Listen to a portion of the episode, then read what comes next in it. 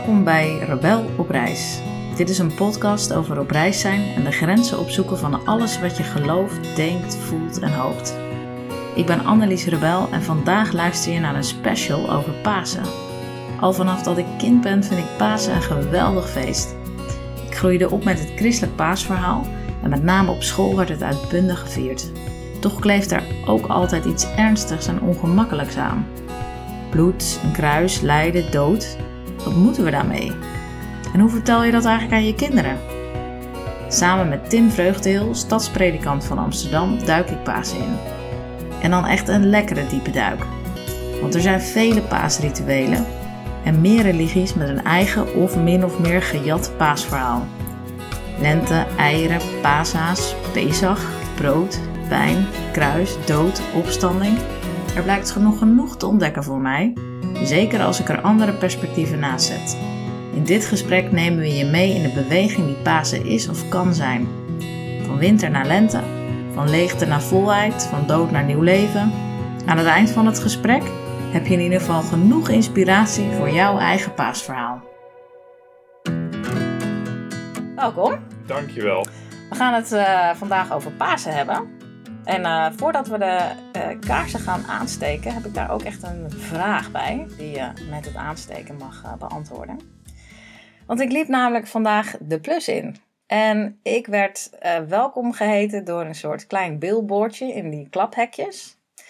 En daar stond in vier Pasen met een goed gevoel. Toen dacht ik, nou, als jij Tim nou op tweede paasdag in je bed ligt en ik lig in mijn bed, wat hopen we dan dat ons goede gevoel over Pasen 2023 is geweest? Ja, dat is een, dat is een mooie uh, kreet van de plus. Omdat je stoot natuurlijk niemand mee voor het hoofd, dus hij is lekker veilig. Maar het, ik vind het ook wel echt een goede vraag. Dus als ik hem op mezelf toepas, ik heb uh, in de loop der jaren wel, wel geleerd dat, dat je paas echt gevierd moet hebben. Anders heb je een beetje spijt. En uh, ja, echt gevierd wil, wil dan zeggen voor mij dat, dat, er, dat er echt uh, Goede Vrijdag moet zijn. Met alle ongemak van dien. En ook echt enorm feest met Pasen. En, dat, en onder COVID-omstandigheden kon het ook. Dus dat wil niet zeggen dat, dat het altijd veel moet. Maar de, de, de, de leegte moet je vullen, uh, voelen, vind ik. En, en, en, en het feest. En uh, bij ons thuis is, is paas ook altijd wel een goed moment om bubbels te laten knallen. Dus doen we het niet in een kerk. Dan komen we thuis en dan zeggen we het is Pasen. Bam, Bam. kurk. Mooi, dus als ik het even moet samenvatten. En terwijl jij de kaars aan het aansteken bent. Ik krijg nog maar... niet eens een lucifer aan. Oei, maar goed dat ik geen ja. katholieke pastoor ben. Ja hoor. Wil je ze allebei aan? Voel de leegte. Ik heb hier een En witte vier het kaas. feest. Nee, want deze ga ik aandoen. Oh, die ga je aandoen. Maar ik ga hem nu ook meteen aandoen. Ja, ik hoop met Pasen echt die beweging ook uh, te voelen. Van, uh, van winter naar lente. Van uh, misschien wat doorheid, wat doodsheid naar leven. Ja, het Joodse Pesachfeest is meer van de gevangenschap naar bevrijding. Nou, niet dat ik me nu gevangen voel of zo. Maar ik zit wel echt in een hele periode van allerlei transities. En uh, ik heb van veel dingen afscheid genomen. Dus ik hoop wel dat ik um, en heel erg goed zicht krijg op welke bloemen er al aan het bloeien zijn in mijn leven. En um, ook een soort vertrouwen te tanken, denk ik. Dat er nog veel meer bloemen uh, gaan bloeien in deze lente. Nou, dan zou de Dus dat, uh, plus echt van onder de indruk zijn van deze, en in ieder geval ik. Um, mooie opsomming. Ja. En, het, en interessant, ik weet niet of je dat herkent, het weer werkt mee dit jaar. Want er, er, het is te lang, te somber en het wil maar geen voorjaar worden. Dat is anders dan de voorgaande jaren. Ja. Ik ben normaal helemaal niet zo weergevoelig en nu, nu heb ik er een beetje last van. Want ik denk altijd grijze gedoe en waar blijft het lekkere weer. Ja. Het zou natuurlijk magisch zijn als net zo ongeveer op eerste paasdag de temperatuur de 15 graden aantikt en iedereen zegt, ah. Maar het kan natuurlijk ook hagelen. Het kan ook hagelen, ja. ja. Maar het is mooi dat je met de natuur begint. Want daar wilde ik eigenlijk ook mee beginnen. Want voordat het christendom er was, werd er natuurlijk al lang Pasen gevierd. Ja. En dat werden dan lentefeesten genoemd. Ik noem maar even de godin Ostara, die werd vereerd, de vruchtbaarheidsgodin. Waar ook het, uh, de benaming Oster uit het Duits uh, van komt. En Easter is daar ook weer van afgeleid. Dus men was al een hele tijd bezig om op een of andere manier van die winter in die lente te komen. En dat echt te vieren. Ja, En het leuke is dat de datum van Pasen natuurlijk ook bepaald is door de stand van de maan. ook En dat. het begin van de lente. Dus het heeft ook echt met elkaar te maken, Absoluut. in die zin. Maar heb jij dat, ehm, eh, ja, jij bent theoloog, zit, zit dat er in die christelijke traditie echt in? Dat lente-idee, zou maar zeggen? Ik denk dat als je, als je goed Bijbel leest of een beetje logisch, theologisch nadenkt, eh, om het in mijn vaktermen te zeggen, dat, dat, je, dat je deze dimensie heel erg meeneemt. Ehm, omdat alles wat, wat nieuw leven is, hoe symbolisch of geestelijk dat ook kan worden, daar hebben we het straks misschien nog wel over. Ja. De, de basis is dat je in een wereld leeft waarin zich ieder jaar een groot wonder voltrekt. Namelijk dat wat dood is, het dode land en, en dode bomen, wat dood lijkt, dat dat weer tot leven komt. En ik moet zeggen, ehm, ik heb hierboven, we zitten bij mij thuis nu, op mijn terras staat een eh, één wijnstok, een, een wijnplant in een, in een pot. Die heb ik nu twee jaar en eh, dat ziet er toch een partij dood uit. Herken en ik. dan denk je van nou, dit, di- m- zou hier nog leven uitkomen?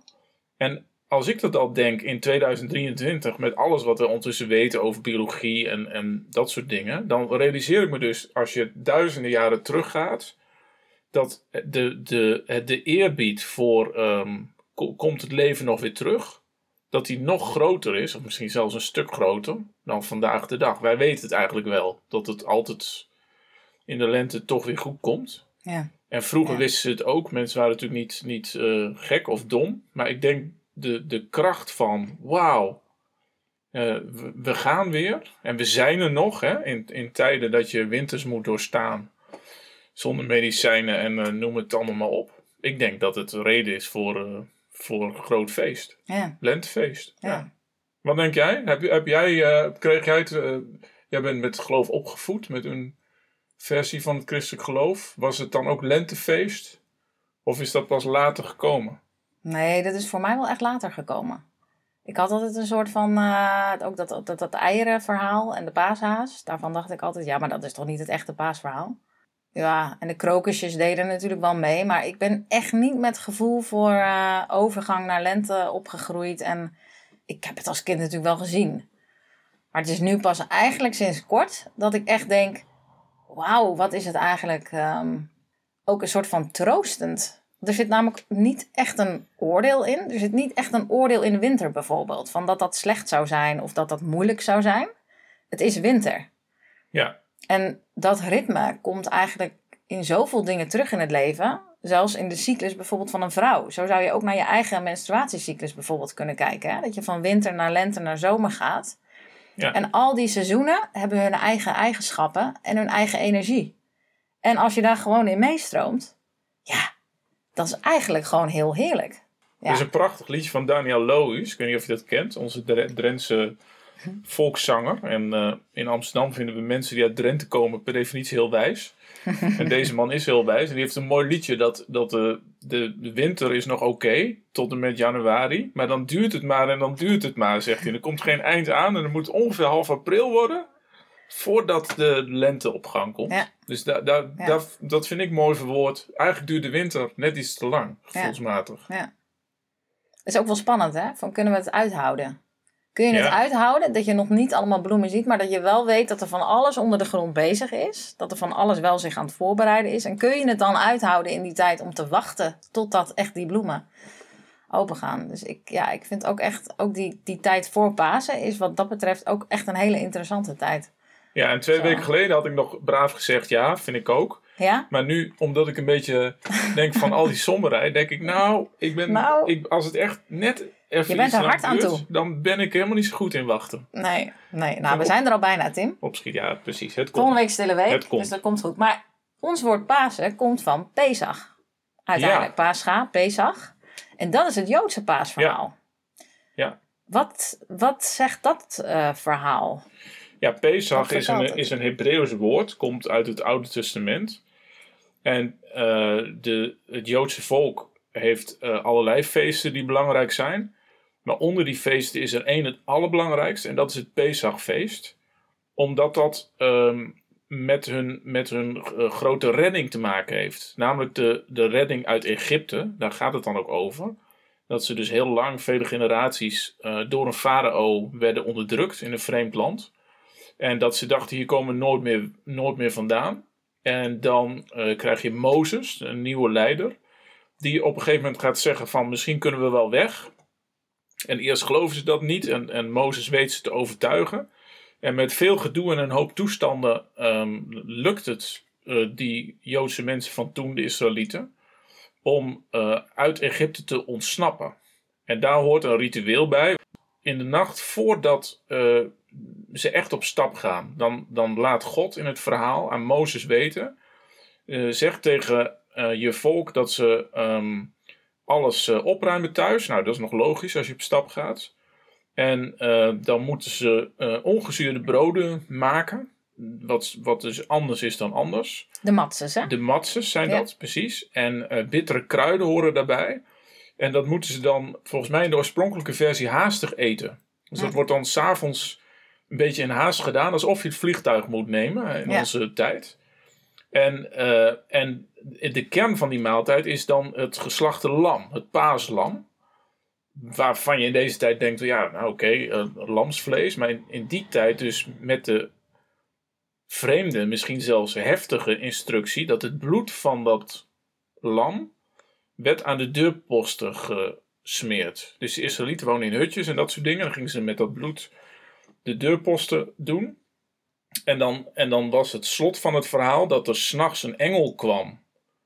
om uh, dood en verderf te zaaien in het Egyptische kamp... En, en dan zag die engel, oh, dit is een deurpost met bloed. Uh, hier wonen Israëlieten, dus hier ga ik voorbij. Dus ja. eigenlijk was dat bloed, hoe heftig ook, voor de een een, een, uh, een teken van de dood, en, maar voor Israël een teken van het leven. Ja.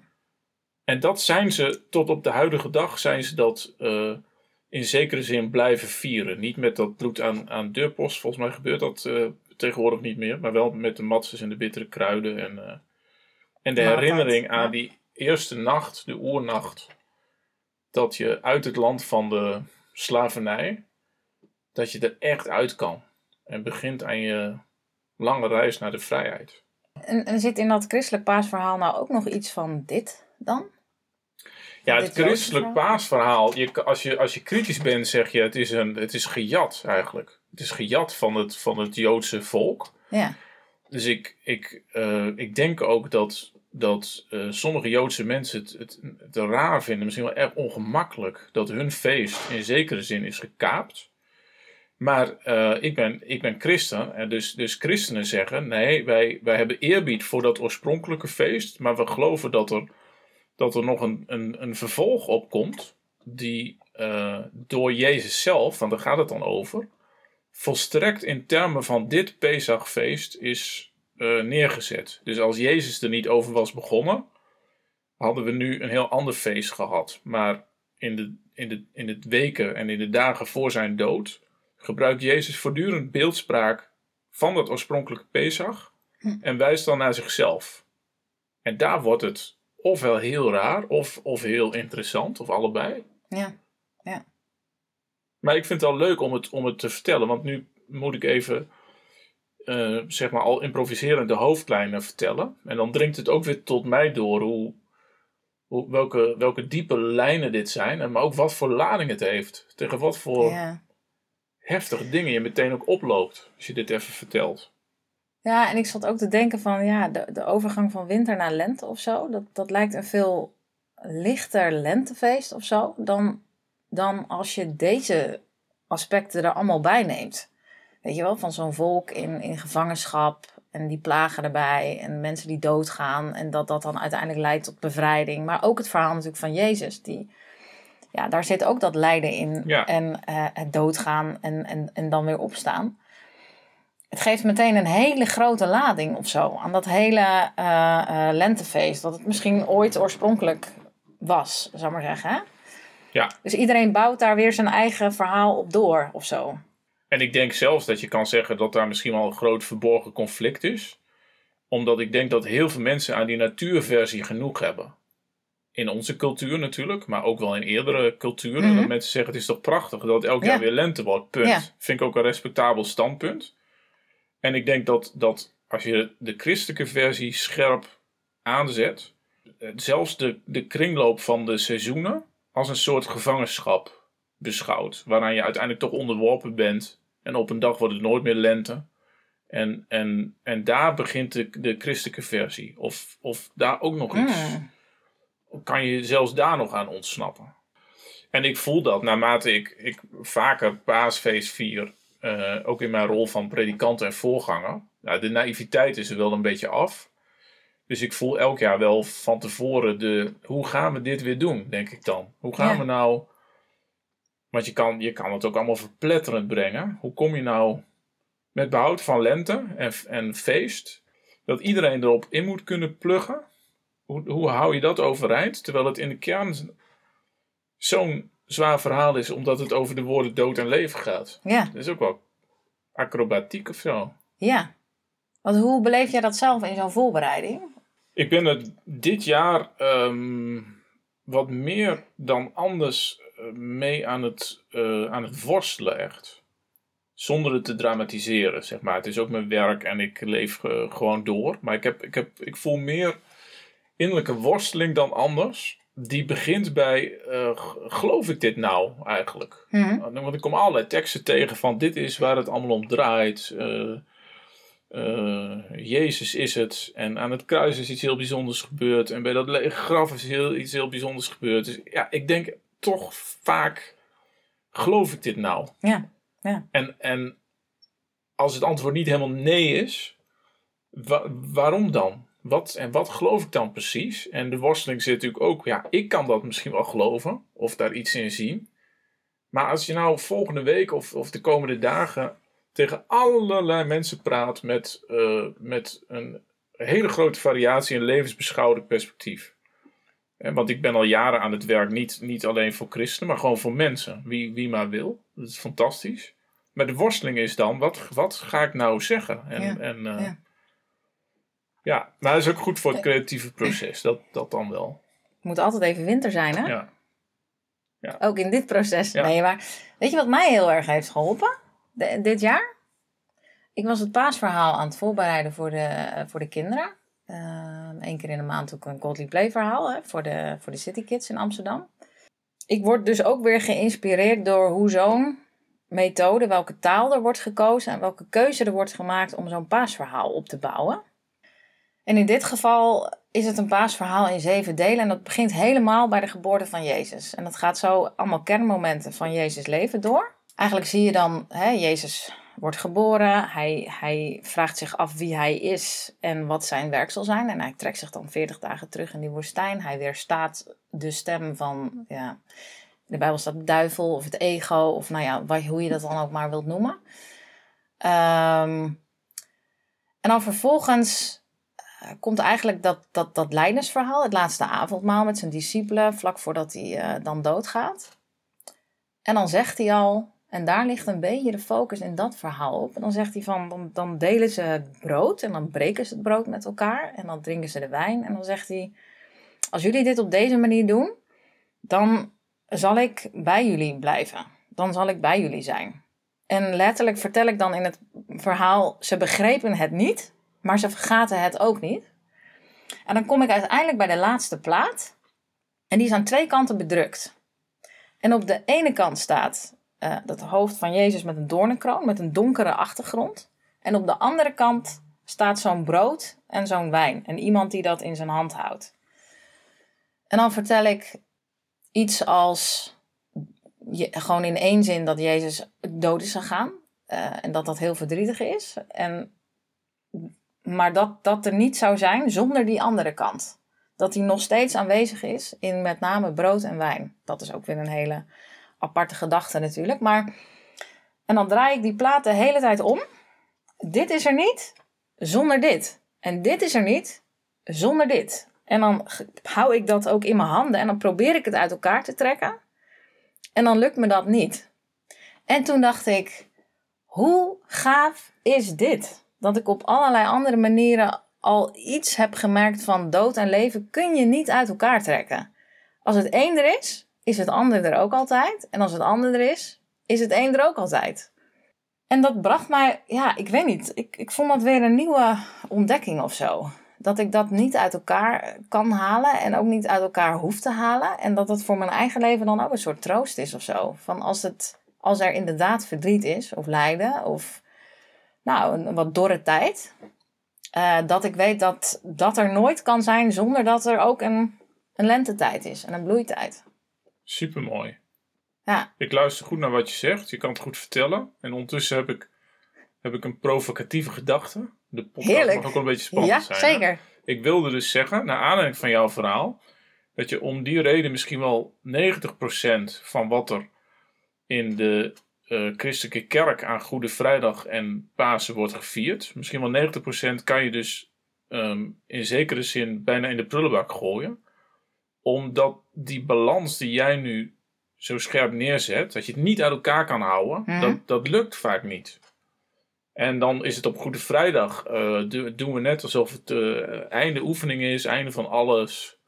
En, en dat kan je overdrijven. En door, door alle lichten uit te doen en mensen gevoelsmatig in de zwartheid naar huis te sturen. Het mag best donker zijn, het is Goede Vrijdag, maar het moet ook al Pasen zijn op Goede Vrijdag. Ja. En met Pasen moet je niet, eh, moet je niet alleen maar zeggen, tralala, fantastisch en nu komt het allemaal goed. Ja. En moet, is, moet het, moet het eh, verdriet zeg maar, nog steeds een dimensie zijn. Ik, ik denk dat heel veel mensen die iets moeten doen, niet alleen voorgangers, maar ook muzici en zo, dat die vaak doorslaan in, eh, nou, dan de ene kleur en dan de andere kleur. Ja, En ik, ik ben helemaal voor het bij elkaar houden van, eh, van die twee dingen, zoals jij vertelt, aan de hand van die platen.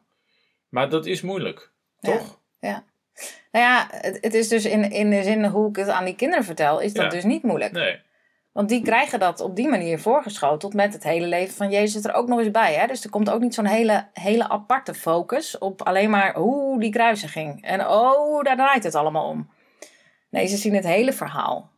Van een man die, waarvan andere mensen denken, oh, dat moet, die moet ons gaan redden. Die Ja. is onze koning. Die gaat onze Romeinse soldaten verslaan. Ja, Oh, en dan blijkt het toch heel iemand anders te zijn. Blijkt hij toch een ander soort koning te zijn. Oh, nou, en dan aan het eind sterft hij ook. En iedereen weet dat je doodgaat, zou maar zeggen.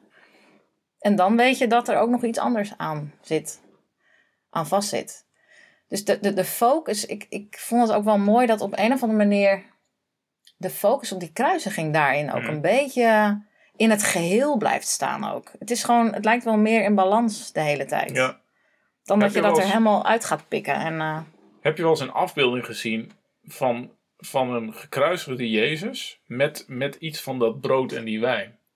Ik kan het me niet herinneren, maar ik denk het zou in, in, in de kunst ja. en in de liturgie zou het eigenlijk wel een mooie, kloppende afbeelding zijn. Ja. Van, je, je ziet iemand aan een kruis hangen, maar de verbeelding zegt, zie dat het brood en de wijn en dat iemand zichzelf weggeeft, ja. dat zou, dat zou je best mogen zien. Dat zou mij wel helpen ook soms. Mijn favoriete Christusbeeld hangt in een kerk in Berlijn.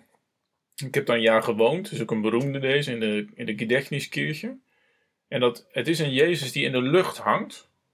Dus de kruisvorm is er, maar hij zegent. Ja. En, en het is eigenlijk al een beetje hemelvaart. En fantastisch. Heel, Ja. heel en het is niet een triomfantelijke, nou we hebben alles gehad, zeg maar. Het lijden is, is, is er wel. Ik had dat ook in de, pas toen ik in de Dominicuskerk was, vond ik dat ook een beetje. Dat was ingericht als dance-event. En die, dat Christusfiguur hing daar ook zo boven. En ik dacht echt, nou hij zegent ons terwijl we hier in die, in die, in die Ja. kerk lopen te dansen. Ja, Dus ik had datzelfde ja, gevoel een beetje van Ja. zo'n eh, Christus die aan het zegenen is. Ja. ja. ja, mooi is dat. Dus het kruisgebaar en het zegengebaar met de Open armen. Open armen. Ja, daar, dat is daar ligt ook, dat zit ook ergens natuurlijk in elkaars verlengde. Oh, ja. En, en waarom ik er ook op kwam, is denk ik omdat ik eh, ook met iemand sprak over. Kijk, er zitten veel ouders natuurlijk in hun maag met wat moeten we met dat kruisverhaal? Want dat is natuurlijk best wel in, in details is dat een heftig verhaal. En ehm, toen ik dat verhaal aan het voorbereiden was, dacht ik, hé, hey, er wordt eigenlijk niet zo. Er wordt in twee zinnen eigenlijk gezegd dat Jezus de volgende middag werd gekruisigd. En dat hij, eh, of de volgende dag werd gekruisigd en in de middag stierf. Ja. That's it. Het zei ze ook van ja, het feit dat Jezus wordt gekruisigd is eigenlijk niet zo relevant. Dat is gewoon de manier waarop in die tijd misdadigers werden gestraft. Maar ik ben het wel een beetje eens dat dat, dat, dat, dat kruis niet zo, niet, niet zo specifiek is. Dat hebben wij ervan gemaakt. Zelfs als je zegt van nou ja, een, een kruising is wel een hele schandelijke manier om aan je eind te komen. De Romeinen deden het natuurlijk duizenden keren per jaar. Die, die wonnen veldslagen en hingen honderden mensen op één dag op aan kruisen. Omdat ze dat leuk vonden om de, om de boel te vernederen. En, en aan één van die kruisen is dan Jezus eh, gestorven. Maar als, als kruis is het gewoon een van de vele. Overigens, een van de beelden die op mij het meeste indruk maakt, is als ik op een oorlogsbegraafplaats ben, in Nederland of in Normandië, en je ziet die eindeloze uh, rijen witte kruisen. Maar het, zo werkt het dus. Hè? De, de, Jezus is één van die kruisen dan. Niet, niet uh, wat, wat dat betreft geen reden om, om, om die kruisiging uit te vergroten. Nee. Ja. Dus het gaat om iets anders. Dit is niet de essentie. En ik dacht ook nog dat hele onterecht op die manier aan je einde komen, dus als misdadiger worden weggezet, dat is natuurlijk aan de orde van de dag. Ja. Deed me ook weer beseffen van, oh ja, met hem heel veel andere onschuldige mensen die uh, op die manier aan hun einde zijn Ja. gebracht. En een heftig idee dat er zowel aan Oekraïnse zijde als aan de Russische zijde dagelijks eh, minstens honderden, misschien duizenden jonge gasten om het leven komen. En die worden dus allemaal onder de grond gestopt met een kruis boven hun hoofd hè, op die kist. Of Ja. je nou Rus bent of Oekraïne. Dat, dat is dan hetzelfde. En dat is dan toch weer afgeleid van dit verhaal ook. Ja, Een lange rij van mensen die vroegtijdig of onterecht of eh, gruwelijk aan hun, aan hun einde komen. Maar ook iemand die, die na een lang leven op zijn, op zijn negentigste sterft, doet dat ook niet fluitend. Dus ook in die zin is, is eh, niet voor niks dat het kruis zeg maar, de, het symbool van de rouw is en boven advertent. Ja, dat is dus dood. Dat, dat kruis is niet een gruwelijk iets op zichzelf heel erg naar kijken, maar het Mhm. staat voor dood. Het is het symbool van, van dood ja. en verlies. Blijkbaar vinden we dus dat we voor Pasen daar wel echt bij stil moeten staan. Dat dat er dus ook is. Dood, verlies, afscheid. Ja, dat, dat als ik het voor mezelf eh, mag zeggen, helpt het mij heel erg dat ik, dat ik door, die, eh, door de gang van de liturgie en dat die dagen nou één keer zo gaan. Je kan niet gewoon Pasen vieren. Hè? Het verhaal zegt, nou, e- eerst gebeurden andere dingen. Mhm. Dat helpt mij wel om, om daar meer bij stil te staan dan Ja. in een gemiddeld jaar. Ja. Hey, en heb je dit jaar, eh, als we zo toewerken naar Pasen, in jouw leven iets van. Voel je iets van die pijn? Of is het dit jaar gewoon van. eh, nou, het gaat eigenlijk wel allemaal lekker en eh, ik, ik, ik, ik, moet daar wel. Ik kom daar moeilijk bij, zou maar zeggen. Nou, het is, het is eh, de, de verhalen zeg maar over, over, over pijn en gemis. Ik vind ze dit jaar scherper dan andere jaren. Daar gaat een stuk van mijn programma volgende week ook over. Dus dan moet ik daar zelf ook over nadenken. Van de, de leegte in, in, eh, in, in, je, in jezelf. Op welke punten voel ik me leeg of loop ik leeg? Ja, daar, denk, daar denk ik over na. Daar voel ik van alles bij. Je hebt natuurlijk ook afscheid van iets genomen aan het begin van het jaar. Eh, Is dat, speelt dat zoiets, die dingen nog een rol? Ja, dat, In, dat, eh, dat speelt absoluut een, eh, een rol. Even, even voor de luisteraars, het betrof slechts een project. Dus niet eens een mens of, of iets anders dierbaars. Maar wel Mhm. een project, in dit geval een, een lege kerk in Amsterdam... waar ik jaren aan, aan getrokken heb om, om van zo'n lege kerk iets fantastisch te maken. Met een aantal mensen om me heen. Echt als team hebben we dat gedaan. En dat werd steeds serieus en we kwamen heel ver. En er moest natuurlijk geld op tafel en een heleboel andere dingen. En een architect maakte ontwerpen. En uiteindelijk is het, is het niet gelukt. Vlak voor kerst kwamen er allerlei nee's. Gaat niet lukken. En, en eh, ik had al een keer een droom gehad in oktober. Dat ik die kerk zag instorten. In mijn droom. Dat het dak donderde met geraas naar beneden. Toen dacht ik al, nou. Of ik ben een beetje te hard bezig met die kerk. Of dit is een voorteken. Nou, dat gevoel had ik dus in januari. Dat je, die kerk staat nog prima daar eh, aan de gracht. Maar in, in de kerk die ik voor ogen had, als een, als een eh, object van bezieling voor eh, heel veel Amsterdammers, Mhm. dat is gewoon uit mijn handen gevallen in duizend stukken. Maar dan, heb je een, dan ga je een winter in waar je dat ook hebt te verwerken. Ja. Op een of andere manier. Ja. En, ja. en hoe, hoe gaat dat dan als je dan kijkt naar, we gaan van winter naar lente? We gaan van dood naar leven, van, van, van in elkaar gestorte dingen naar misschien weer nieuwe dingen.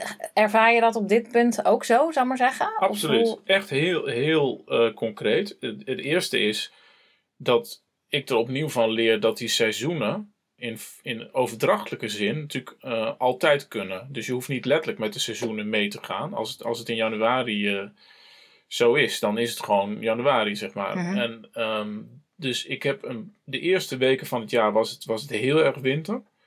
Dus daar heb ik, heb ik eh, verdriet gehad om dit, eh, om dit verlies. En, eh, en frustratie en stampvoeten en, eh, en, en eh, vaak natuurlijk ook nog een beetje ontkenning. En het gaat gewoon om een project, hè, nogmaals. Maar dit zijn toch wel de, de, de, ook wel de elementen die in een, in een rouwproces een Hmm. rol spelen. Dus op een gegeven moment gaf ik dat ook toe. Van het, is toch wel, het lijkt toch wel een beetje op echt daar een plek aan geven. En ehm, wonderlijk genoeg dacht ik van nou, misschien ben ik straks wel van het pad. Misschien kan ik wel eh, maanden niet functioneren. Misschien heb ik wel nergens meer zin in. Dat gebeurde niet. Dus terwijl ik bezig was met dit verlies, eh, kon ik eigenlijk goed doorgaan met de andere dingen die ik doe. En ik dacht, hé, hey, dat is apart. Je kan dus verliesenergie hebben op een bepaald level. En op een ander level ja, doe-energie. Kan dus naast elkaar bestaan. Toen dacht ik, misschien is de les die ik moet trekken eh, nooit meer een gebouw, nooit meer een kerk, nooit meer stenen. Zoveel tijd en energie heb verspild. Misschien ben ik wel gek en hebben mensen om me heen ook gedacht: jongen, wat doe je nou toch allemaal? Wees gewoon een dominee, hou leuke praatjes en eh, bemoei je niet met vastgoed. En toen gingen allerlei mensen om me heen, zonder dat ik daarna hengelde, zeggen: We gaan toch wel door, hè? Je gaat toch niet je droom opgeven dat de dingen die jij doet, dat het ook echt een fysieke plek moet hebben in Amsterdam. Er zijn toch nog wel andere kerken of andere objecten. Dus ik kreeg heel veel aanmoediging. Hm. En de eerste twee keer dacht ik van nou, ik, ik er niet hoor, ik heb geen zin. En bij de derde keer ging ik toch een beetje luisteren. En, en ik voelde in mezelf in, binnen een paar weken ook weer een soort lente van dat kon, oh, dat kon ook wel weer eens leuk worden. Mhm. Ook wel weer zin in. Ja. Nou, het is nog geen zomer, dus ik sta nu niet te trappelen van eh, we, we, we gaan Het dat vuur doen. is er nog niet heb- per se. Nee, maar Nee. Ik, heb, ik heb meer moed Ja. en vertrouwen dan, eh, dan in januari. ja. En het is toch ook een beetje Pasen. Hoe bedoel je? Hoe, hoe, hoe leg je hem in dit verband? Nou, in de zin van, eh, het is toch verdriet, afscheid nemen. En weer op een bepaalde manier opstaan daaruit. Een- het is een beetje opstaan. En opstaan is ook al wel jaren een, een van de woorden die, ik- die ik prachtig vind. Het woord opstanding is een beetje gek of een beetje abstract misschien. Eigenlijk heb ik op dat vlak eh, heel, veel, heel veel aan David Bowie te danken. Omdat zijn, zijn eh, laatste liedjes, waar sterven en opstaan nogal een rol in hadden, vlak voor zijn dood in 2016, dat, dat heeft me enorm eh, geraakt. Ja. En, en, en de aanmoediging ook eh, die daaruit spreekt, hoe, hoe heftig ook. eh, eh, stand up, sta op. Ja. Dus dat is, dat, is, dat is echt wel Pasen. Daar, daar begint het allemaal wel. Ja, want we hebben dus nu inderdaad veel over lijden en zo gehad en verdriet. Maar we gaan dan nu naar, naar opstaan. Ja, Wat gebeurt daar nou eigenlijk precies? Want dit is altijd een heel bizar verhaal. ja, Maar ergens zijn er dus mensen ook in staat, zoals David Bowie, om dat dan weer zo dicht bij je eigen leven te trekken dat je denkt: ja, Ja. dit is helemaal waar. Ja. Dat je kunt opstaan, zou ik maar zeggen. Ja. Alleen als verhaal is het ook een beetje apart. Misschien kun je het heel even schetsen wat daar eh, gebeurt. ja eigenlijk, eigenlijk bestaat het uit, uit twee elementen. Ehm, het, is, het is zo raar wat er gebeurt, dat het zelfs in de Bijbelse teksten is het niet vastgelegd. Dus, dus nergens staat er van dit en dat gebeurde er. Zoals, zoals bij de kruisiging vrij feitelijk wordt beschreven, zo ging het. Tot en met dat Jezus is begraven, dus er wordt in een rotsgraf gelegd. Er gebeurden twee dingen. Eh, een, een aantal mensen die terugkomt bij dat graf om Jezus de laatste eer te bewijzen, zoals ze dat toen deden. Dus dan ging je nog eens een keer balsemen en eh, mensen komen bij dat graf en, en hij is er niet meer. En dan zijn ze natuurlijk in alle staten. En dan, en dan, uh, de, ja, dan, dan snappen ze het niet. Dan denken ze aan grafroof en weet ik veel. Dus mensen zien een leeg graf. En het, het, het andere wat er gebeurt, is dat, dat Jezus af en toe opduikt.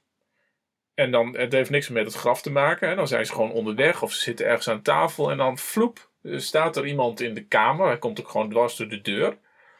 Dan schrikken ze zich natuurlijk ook weer helemaal te barsten. En dan denken ze, we zien spoken, we zien een geest. En dan zegt Jezus, nee, uh, voel even, hier, ik ben het echt. En uh, geef me even een stukje brood, eet ik het op. Kunnen geesten eten? Nee, ik wel. Dus ik ben het echt, maar ik ben ook, ben ook anders. En dat is natuurlijk vol, volkomen abracadabra. Tenzij je bedenkt dat in het geloof het zo is dat de wereld niet is ontstaan met een knal, maar bedacht en gemaakt en geschapen. Dus in, in geloofstermen is het allemaal begonnen bij God. Dat zou hier dus ook wel eens aan de hand kunnen zijn. Dat God een nieuw begin maakt. Iets doet wat er nog niet was. Kijk, en nu zitten we in een, in een veld dat, dat eindeloos fascinerend is. Omdat hier zoveel bij elkaar komt van, van psychologie en andere dingen. Maar het is natuurlijk ook buitengewoon complex. En, en je moet, ik moet mezelf af en toe in, in de arm knijpen van... Uh, hoe, hoe dicht zit het bij de waanzin vandaan? En bij de gekkigheid? Nou, maar ergens, mijn idee over de dood en wat daarna was, is wel echt veranderd door dat ik allerlei interviews, uh, gewoon, gewoon van die diepte-interviews met mensen keek en uh, soms ook las. En dan hadden ze het ook over de dood en mensen die hun ontvallen waren. En heel veel mensen waren daar op een of andere manier in contact mee of zo. En ik vertel dat verhaal, even weer terug naar dat verhaal over die kinderen. En dan zeg ik altijd, en Jezus is er op een of andere manier, is die nog steeds bij ons. En ik hoor dan al die mensen in die interviews zeggen: Ja, maar die persoon, of die persoon, of die persoon is op een of andere manier nog steeds bij mij. Dan denk ik: Ja, zou dat over hetzelfde gaan? Dan is het eigenlijk helemaal niet zo gek. Ja, ik ben een aantal jaren uh, pastor geweest. heb ik meer dan eens gehoord dat mensen zeiden: Tim, nou moet ik je wat geks vertellen. En dan, dan kwamen er verhalen over. Uh, ik zou bijna zeggen verschijningsverhalen. Wat, dus echt meer was dan ik moet er nog wel eens aan denken of ik herinner me. Dat, dat mensen echt verschijningen hadden, soms in dromen, soms, soms voelde het nog reëler. Uh, voor sommigen was het fijn, anderen werden er verdrietig van. Dus het is ook echt niet alleen maar uh, fascinerend. Ja. En ik heb geen enkele behoefte om daarvan te zeggen: uh, dit, dit is heel, heel iets anders. Wel denk ik dat in die de, de Bijbelschrijvers, als ze het boek zeg maar, geloofwaardig hadden willen verkopen, hadden ze beter uh, echt, uh, echt uh, psychologische verschijningsverhalen kunnen vertellen. Ja, ja, van we hadden, we, hij, hij was er, punt, zeg maar. Maar nee, zij gaan zeggen van ja, maar je kon hem aanraken en je kon hem voelen en hij zat te eten. Bij mijn weten is er, is er niet, niet een mens geweest die van een mens na de dood kan zeggen: We hebben samen weer gegeten. En ik kon hem in zijn, dat is vaak ook pijnlijk, hè, dat in die verschijning er iets ontbreekt. Maar zou, zou Jezus dus een, een ik, zou, ik zou bijna zeggen, een paar tandjes verder kunnen gaan dan wat wij in deze verschijningsvormen al krijgen? Dus dat het wel in hetzelfde vlak ligt. Maar, maar de, het, het fysieke van Jezus misschien nog iets sterker is dan anders. Ja, dat zou natuurlijk ook kunnen, ja. Je staat met je, met je neus op een mysterie. Nou, ik zal je vertellen. Ehm, ik heb denk ik uit een soort van bescherming misschien wel. Echt na mijn moeders overlijden. Gedacht, nou, weg. Niks meer. En toen kreeg ik ineens een droom. Toch ook weer een droom. Waarin mijn moeder dan Ehm, op een soort bed ligt. Zij is dood. Ik kijk de andere kant op en ik kijk weer even met een schuin oog terug. En ik zie dat ze beweegt. En ik zeg tegen haar: Ja, maar dit is niet de bedoeling. Ik was een beetje in verwarring. Wauw. En na een tijdje dacht ik, en ik heb nog een keer zo'n droom gehad. En toen dacht ik: Ja, volgens mij is dit voor mij een teken om, om niet zo sterk te denken van het is over en uit. Iemand is er niet meer, weg, klaar. Nou dus het heeft bij mij wel iets in beweging gezet. En, en eerder dacht ik, nou ja, hè, mijn moeder gaat naar de hemel. En, eh, maar dat bleek toch wel iets van het hoofd te zijn, denk ik. Volgens mij is het niet over na de dood. Fascinerend verhaal, indrukwekkend Ja. wel. En ik denk dat spiritualiteit, als ik ze ook weer koppel aan de verhalen die ik heb gehoord, spiritualiteit de kunst is van wat, wat, wat laat je toe en wanneer en wat was nog niet af en wat, en wat, eh, en, en wat is genoeg. Dus, dus je bent als, als ik, heb, ken, ik ken ook iemand die, die tegen eh, iemand die af en toe eh, verscheen zei, nu is het genoeg. Hm. En dat was ook het einde, zeg maar. Ja. En dat, heeft natuurlijk ook alles met, met psychologie te maken. Ik denk dat psychologie en spiritualiteit nauw verbonden zijn. Maar er gebeurt, er gebeurt dus een hoop. Ja, en dit, dit zijn toch ook, die grens van dood en leven is toch ook wel de, voor mensen de meest onvoorstelbare grens. Ja. Elk Niemand weet het precies. overlijdensbericht zijn, zijn mensen Ja. in shock. En ook als je erop kan voorbereiden. Als je, ook als je wekenlang met iemand meeloopt naar de dood en het, en het, en het is zover. Ja. Het is zo, zo bizar. Ja. Het, kan, het, het kan zo niet eigenlijk. Naar ons gevoel en naar, ons, naar onze overtuiging. En dan word je als mens, denk ik, getest op. eh, du- durf je toe te geven dat je, dat je best wel beperkt bent. Maar kan ik soms, als ik, als ik mijn ogen open doe of dingen gewoon ontvang, kan ik dingen zien die, nou, die ik niet 1, 2, 3 snap of waarvan ik dacht. Dat gebeurt niet. En dan gebeurt het wel. Ja. Dus het verruimt volgens mij je, je, je kader. Als we nou met dit in, op de achtergrond dan eigenlijk richting Pasen gaan, hè? Wat zijn dan mooie vragen om mee aan de slag te gaan in, in de voorbereiding naar Pasen? Heb jij daar ideeën over? Ik zou nog graag weer, eh, weer eh, terug willen naar het woord dat ik net al gebruikte. Dat, dat gaat over leegte. Dat wat een, volgens mij een iets minder ehm, heftig woord is dan dood. Maar nog steeds een intens woord. Leegte. En ik, ehm, nou, ik, ik vraag aan mijzelf. Ik stel mij deze dagen geregeld de vraag. Waar, waar zit mijn leegte? Wat, wat is er... Wat, wat is er precies leeg? En, ehm, en de, de, de, bijna de natuurlijke tegenhanger daarvan is natuurlijk, wat, waar zou je wat meer vol van willen worden? Mhm. Dat kan eh, letterlijk ademhaling zijn, dat kan energie zijn, dat kan hoop zijn. Dat kan daadkracht zijn, veerkracht. Nou, noem het allemaal maar op. Dus ik denk als je, als je goed voelt als je als het ware eh, rondloopt in je eigen ziel, dat ik altijd probeer te visualiseren, dan keer ik naar binnen en dan maak ik een rondje, dan loop ik daar rond en, en dat is echt niet allemaal vol. Dus daar zijn hele lege vakken en lege planken.